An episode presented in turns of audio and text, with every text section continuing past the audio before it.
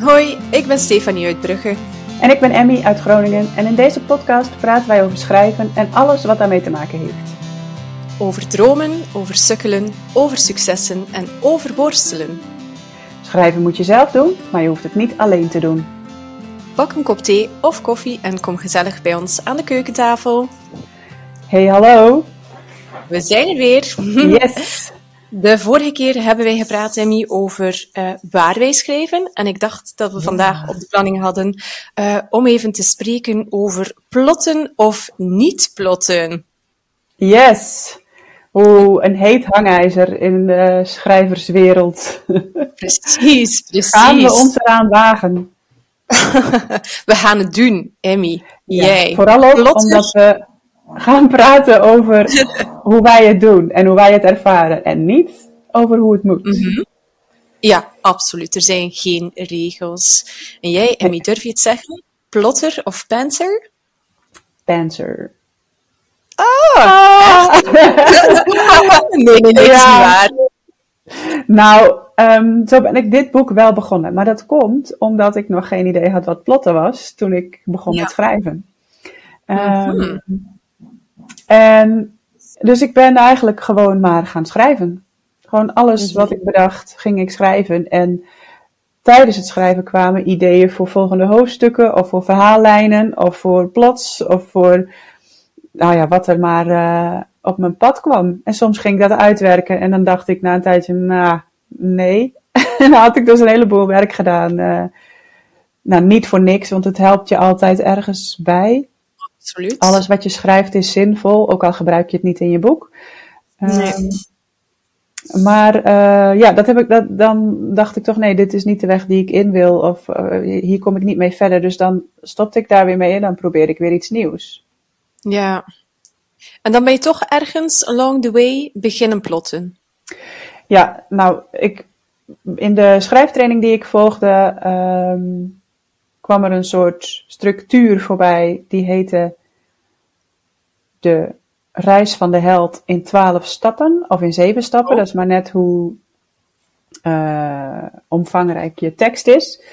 Um, en eigenlijk is dat wel een mooie manier om um, toch een beetje structuur te krijgen in je boek. Het is niet, uh, kijk, want plotten houdt volgens mij officieel in dat je echt van tevoren precies opschrijft welke hoofdstuk, hoe het begint, wat het midden is, wat het eind is, wat in welk hoofdstuk komt.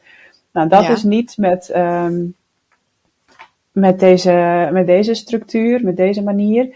Hier is het meer van, nou ja, hè, waar, waar loopt je held tegenaan eigenlijk? Um, de held is dan de hoofdpersoon. Uh, um, ja, hoe, hoe geef je die vorm? Uh, ja. Dus eigenlijk heb ik die, dat schema gelegd over wat ik al had geschreven. En toen heb mm -hmm. ik het in al die punten uh, in die hoofdstukjes, of die kopjes geplaatst. En daardoor kreeg ja. het voor mij wel veel meer structuur en had ik wel veel meer um, in, door welke richting het op moest. En ik moet Ja. zeggen, ik kijk, ik zit hier op mijn kantoor en ik kijk naar mijn muur en daar hangt nog steeds de tijdlijn van uh, Oh, ja? over Janne. Ja. En dat was voor mij, dat heb ik wel in het begin gedaan en dat was ook wel een structuur die mij heel, heel erg heeft geholpen. En vooral omdat, nou, het, het, gaat, het gaat heel erg over Janne en haar familie en haar eigen eh, leven. Ehm, dus ik moest ook gewoon weten wie wanneer geboren was en hoe oud iemand dan was in hoofdstuk 14. En ehm, eh, Ja. of, die er, En of dat die er al kon zijn of niet. dat je niet een personage opvoert wat helemaal nog niet geboren is, of dat ook, ja. Precies. En ook wel belangrijke gebeurtenissen had ik daar al ingezet. Uh, en die heb ik eigenlijk steeds. Ik heb de, de originele hangt hier aan de muur, maar in mijn, uh, in mijn doos waar ik in de eerste of de tweede, nee, de tweede Mhm. aflevering over vertelde, waar ik al mijn researchspullen in uh, heb gestopt, daar zit ook nog een volgekliederde tijdlijn, waarin weer allerlei dingen zijn aangepast, Oh. omdat het jaartal technisch soms toch iets beter uitkwam om iemand twee jaar eerder of later te geboren te laten worden. Ja. um, dus uh, ja, dat zijn wel structuren die ik gebruikt heb. Oké, Emmy, ik ben super benieuwd uh, om een keer een foto te zien van jouw tijdlijn. Misschien kan je, uh, als deze podcast online komt, uh, even in jouw Instagram-tijdlijn een foto posten, dat we kunnen meekijken. Ehm, dan ga ik hetzelfde doen met mijn originele plotfoto. Dan kunnen we dat delen. Dan moet ik even kijken of daar niet allemaal dingen op staan die uh, oh, blurren. ik nog niet wil delen. Ja, moeten we wel even blurren. Ja, en het zijn ja. 1, 2, 3, 4, 5 A4'tjes naast elkaar. Hè? Het is echt... Uh, wow. Ja, ik zit met mijn handen nu aan te geven hoe groot het is. Dat zien jullie natuurlijk niet. Maar um, Heel ja, groot. A4'tjes in de breedte naast elkaar. Dus ik moet even kijken oh. of ik het op een uh, foto... Maar ik vind het wel leuk. Want jij hebt dus wel geplot. Maak ik hier een beetje uit op. Um, Eigenlijk hetzelfde zoals jou. Ik denk dat uh, gevoelsmatig dat ook de meest organische manier van schrijven is. Um, dat veel beginnende of aspirant schrijvers gewoon beginnen schrijven, had ik ook zonder goed te begrijpen waar ik zou uitkomen. Dus mm. toen ik het woordje plotten ontdekte, want dat was uh, ja, een onbekend woord voor mij, dacht ik van oké, okay, dat ga ik toepassen ik zat nog niet ver hoor in mijn schrijfproces, dus dat mm. ging makkelijk. En wat ik gedaan heb, um, ik heb hier uh, in mijn schrijfruimte ook een, ja, een spiegel staan. En daar heb ik allemaal post-its opgeplakt in verschillende kleuren uiteraard, een viertal dacht ik. Mm. En uh, per post-it had ik een hoofdstuk. Dus eigenlijk een beetje zoals de Scrivener-app werkt. Ja, ja. Um, en dan had ik wat ingedeeld. Ik wist zo niet hoeveel hoofdstukken ik zou hebben. En zoals jij weet, uiteindelijk zijn het de 45 korte hoofdstukken geworden. Maar ik wist wel zo ongeveer um, welke stukken waar behoorden. Was dat vooraan, achteraan, in het midden? Dus die kleuren mm -hmm. representeerden ongeveer uh, de locatie. En uh, ja, die had ik dan allemaal uitgehangen over mijn spiegel. Zodat als ik s'morgens opstond, ik kon kijken, oké, okay, dit is hoofdstuk, dit hoofdstukje of dat hoofdstuk. Vandaag voel ik in mijn energie dat, dat het meer aansluit bij dat thema, dus ga ik mm -hmm. daarover schrijven. Oh, en dat ja. maakte dat ik heel veel vrijheid had en gewoon gevoelsmatig s morgens kon kiezen van, ik ga dit hoofdstuk nemen vandaag, want ik voel dat goed aan. Ja. Um, dus dat bracht mij een zeer goede structuur, een houvast, al moet ik eerlijk bekennen dat het plot volledig gesneuveld is. Dat er niets, er is uh, niets van overgebleven. Uh, het verhaal is hetzelfde gebleven, maar alles wat ik uitschreef is uh, weg. Um, Niettemin vond ik het zeer nuttig, inzichtvol om zo te werken, omdat ik niet tot het resultaat dat ik nu heb gekomen zou zijn zonder die plotlijn eerst ja, gehad te hebben. Ik denk um, in het schilderen, uh, die, een schilder werkt ook in lagen. Je schildert ja. zijn eerste laag en dan komt er een nieuwe laag over, maar het kleur dat je ziet bestaat enkel door de onderliggende laag die ja. je niet meer ziet. En ik denk dat dat met uh, schrijven juist hetzelfde is. Mooi. Ja. Ja, dat denk ik ook.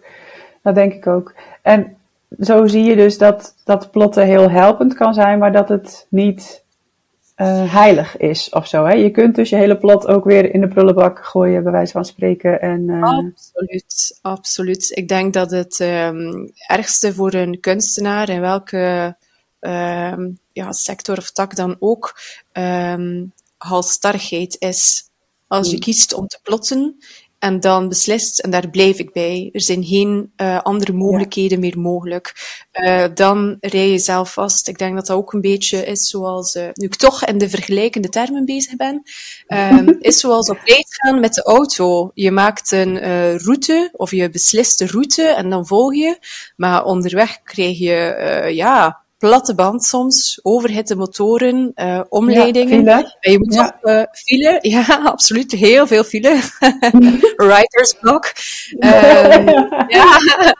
Dus ja, je moet daar flexibel mee omgaan en rondrijden. En soms nemen ook de personages het over op een bepaald moment. Voel je van, ik wil dit, maar oei, blad vraagt iets anders.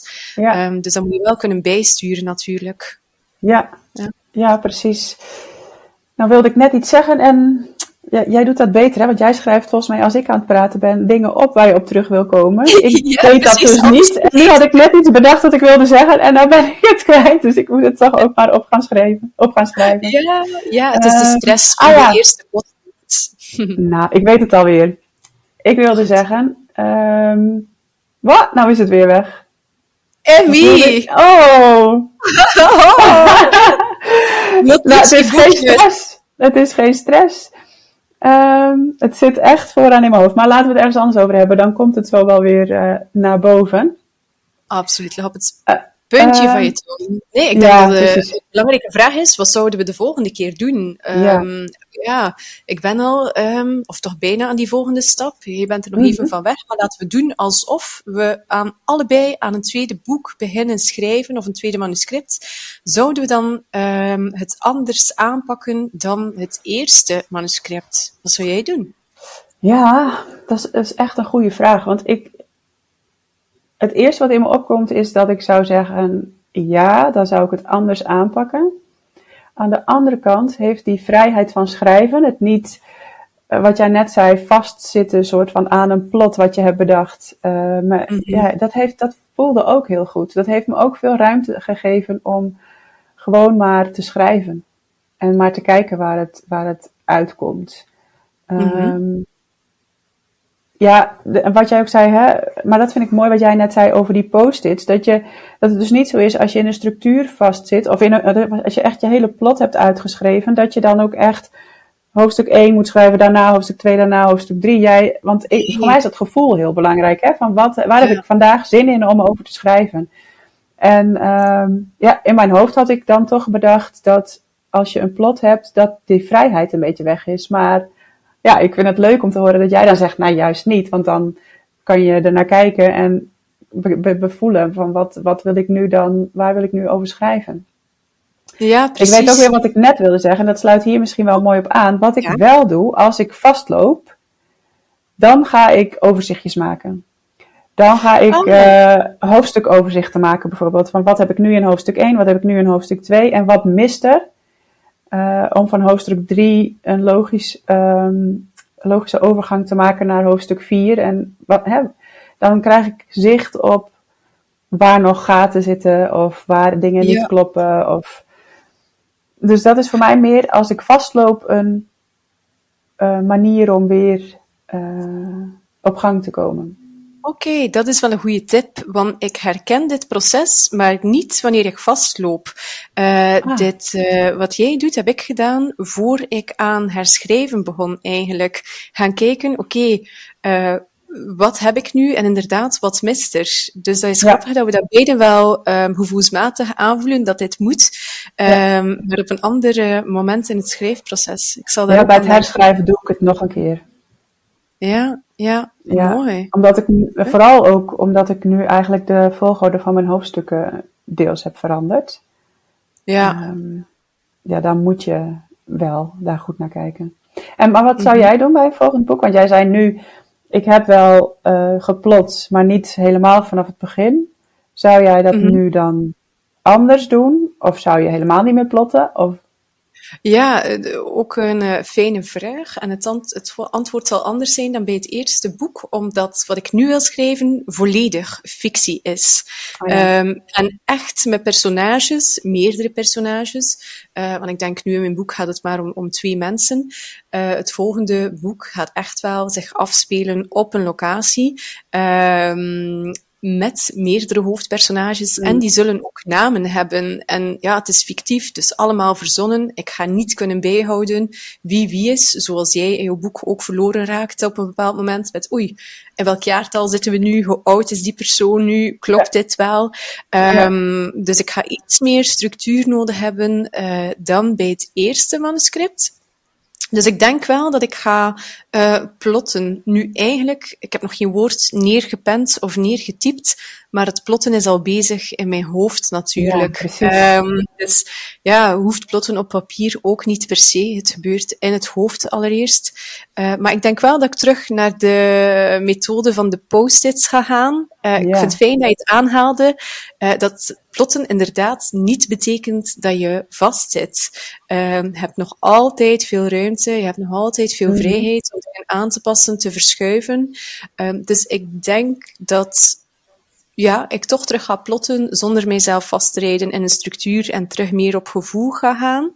Um, ja, ja, ik ben eigenlijk aan het denken, we hebben nu de, de nadelen van plotten even benoemd. Uh, of niet echt nadelen, maar wat de angst was hè, om vast te rijden en geen vrij te hebben. Ik vraag mij af, wat zouden de nadelen kunnen zijn van niet plotten en van gewoon zomaar te beginnen?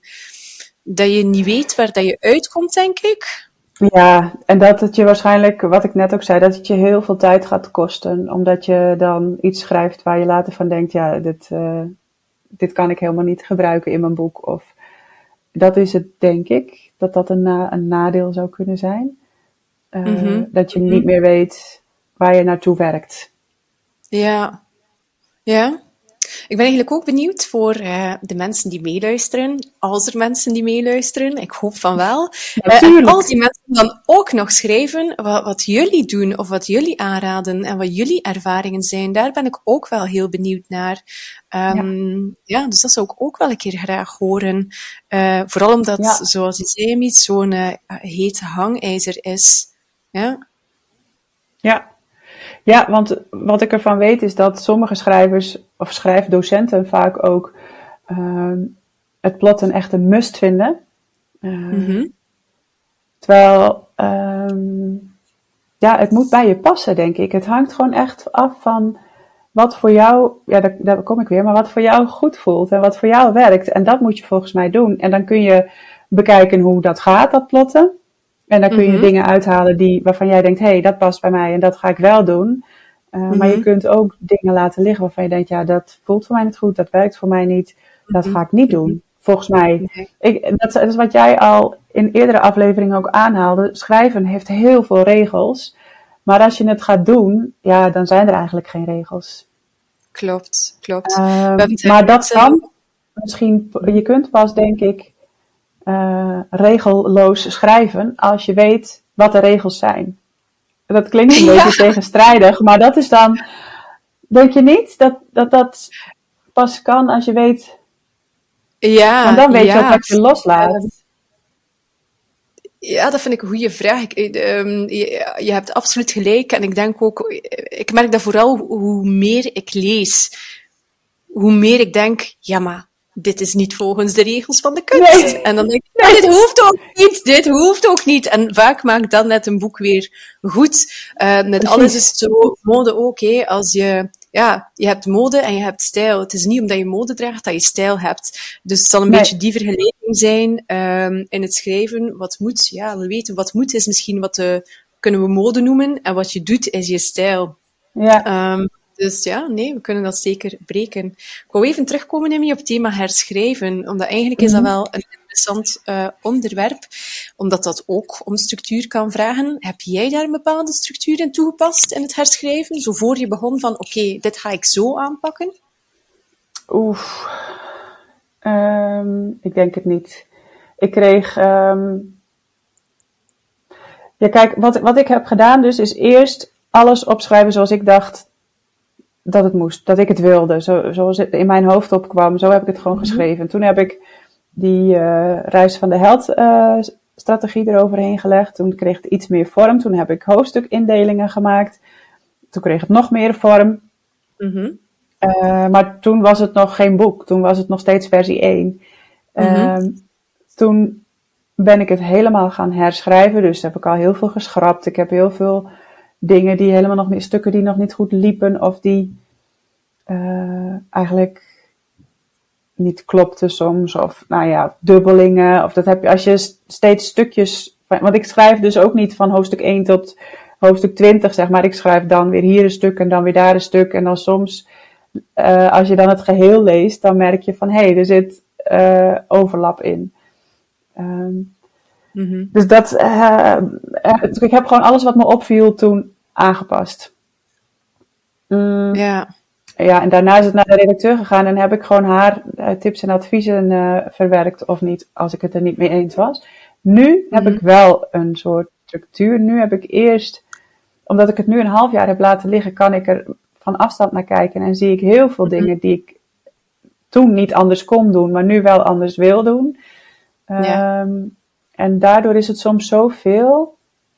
Niet dat het, uh, dat het hele boek niet, uh, dat ik het hele boek herschrijf, maar uh, soms zoveel dat ik het allemaal niet in één keer kan. Dus ik heb nu alles wat me nu weer opvalt, pas ik weer aan. En ik heb alles waar ik bijvoorbeeld veel meer show don't tell. Nou, daar moeten we het ook nog maar een keer over hebben. Maar dat je veel meer uh, beschrijft uh, wat er te zien is of wat er gebeurt, dan dat je het echt zegt. Um, dat, heb ik er, dat laat ik er nu even uit. Ik onderstreep het wel als ik vind dat daar iets veran moet veranderen. Maar dat ga ik in het boshuisje doen. Uh, heb ik in een van de andere afleveringen verteld dat ik binnenkort een paar dagen naar een, een huisje ga om even volledig uh, focus op mijn boek te kunnen zetten. Um, dus ja, dat maakt het voor nu overzichtelijk voor deze herschrijfronde. En dan weet ik straks ook precies wat ik moet doen. En dan hoef ik dan niet meer op andere dingen te letten. Ja, een fijne structuur. Heb jij ook zo'n soort structuur gebruikt? Of, uh, Goh, ik, ik wist jij eerst hebt echt niet... heel veel omgegooid hè, bij het herschrijven. Ja, uh, ik wist eerst niet goed, zoals bij het begin van het schrijven, uh, hoe begin ik aan herschrijven?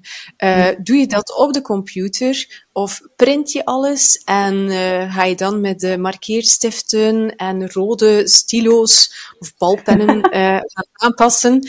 Ehm, dus wat ik gedaan heb, is inderdaad eerst op de computer geprutst, maar toen dacht ik nee, dit moet je echt printen en lezen, die lezer, lezerservaring hebben.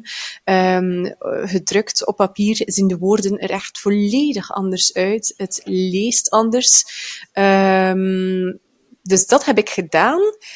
En toen ben ik heel bruut geweest. Uh, het is het bekende spreekwoord kill your darlings. Uh, dat heb ik ook echt gedaan. Uh, ik ben van 80.000 woorden naar iets van een 20.000 woorden gegaan, omdat het allemaal overbodige info was. Je zei het daarnet ook al, een beetje dubbelop of herhalingen van bepaalde stukken. Het was gewoon, ja, ja, randinfo, compleet overbodig. Um, en dat zag ik pas als ik het op papier van A tot Z las. Ja. Uh, dus dan ben ik vooral gaan schrappen. Ik had ook drie stapeltjes teruggemaakt. Zie, voor mij werkt dat visueel heel goed, net zoals die post-it. Ik had een stapeltje weg, vuilbak. Uh, ik had een stapeltje misschien, en dan had ik een stapeltje blijven. Dus uh, ja, die lagen ook mm. zo. Ja, toon dat, maar jullie zien dit dus ook niet. Uh, ja, het, het, stapeltje weg, vuilbak was het grootste. Misschien, uh, ja, dat was zo tot halverwege. En dan had ik misschien uh, tien A4'tjes liggen rechts van dit moet absoluut blijven. Um, dus dat vond ik heel handig. En dan ben ik toch wel ja. met pen en papier notas gaan maken. En dan was het eigenlijk vooral een vraag van, ja, hoe ga ik dit aan elkaar schrijven? En dan ja. vond ik het leuk om met die stapeltjes papier die ik had aan mijn bureau te gaan zitten, de Scrivener app te openen, omdat je daar ook al die hoofdstukken ziet, mm -hmm. en dan gaan schuiven. Het, het hielp me heel ja. hard om dat op de grond open te leggen, en net zoals ik in Scrivener schoof met de hoofdstukken, dat ook echt hier thuis op het parket te doen.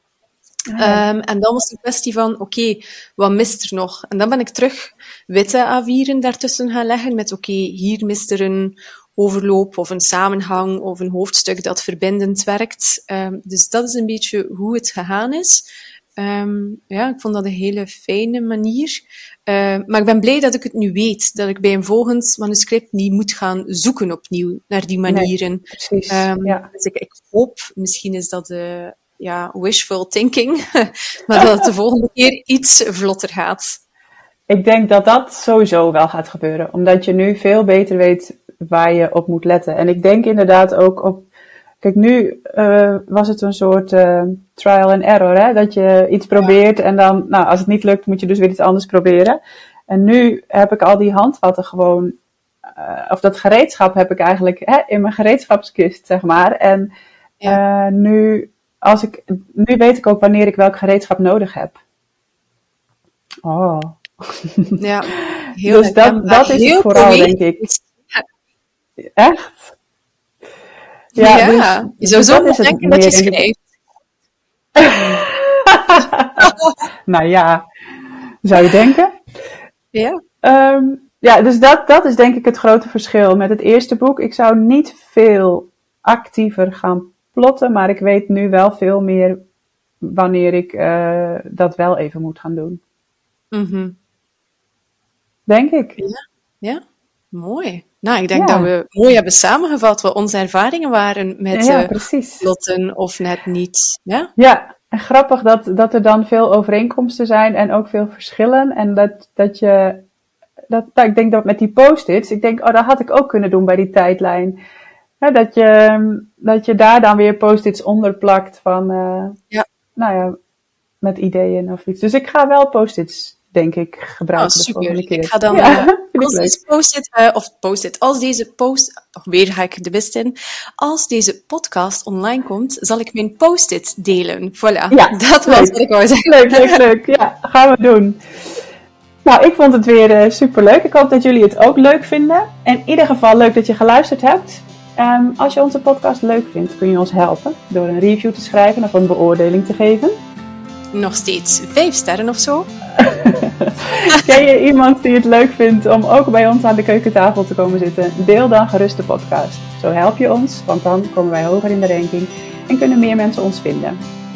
Heb je vragen of is er een onderwerp waar jij onze mening of ervaringen over wil horen? Laat het ons zeker weten. Je vindt, op on je vindt ons op Instagram at Stefanie Insta en at Emmy de Vries.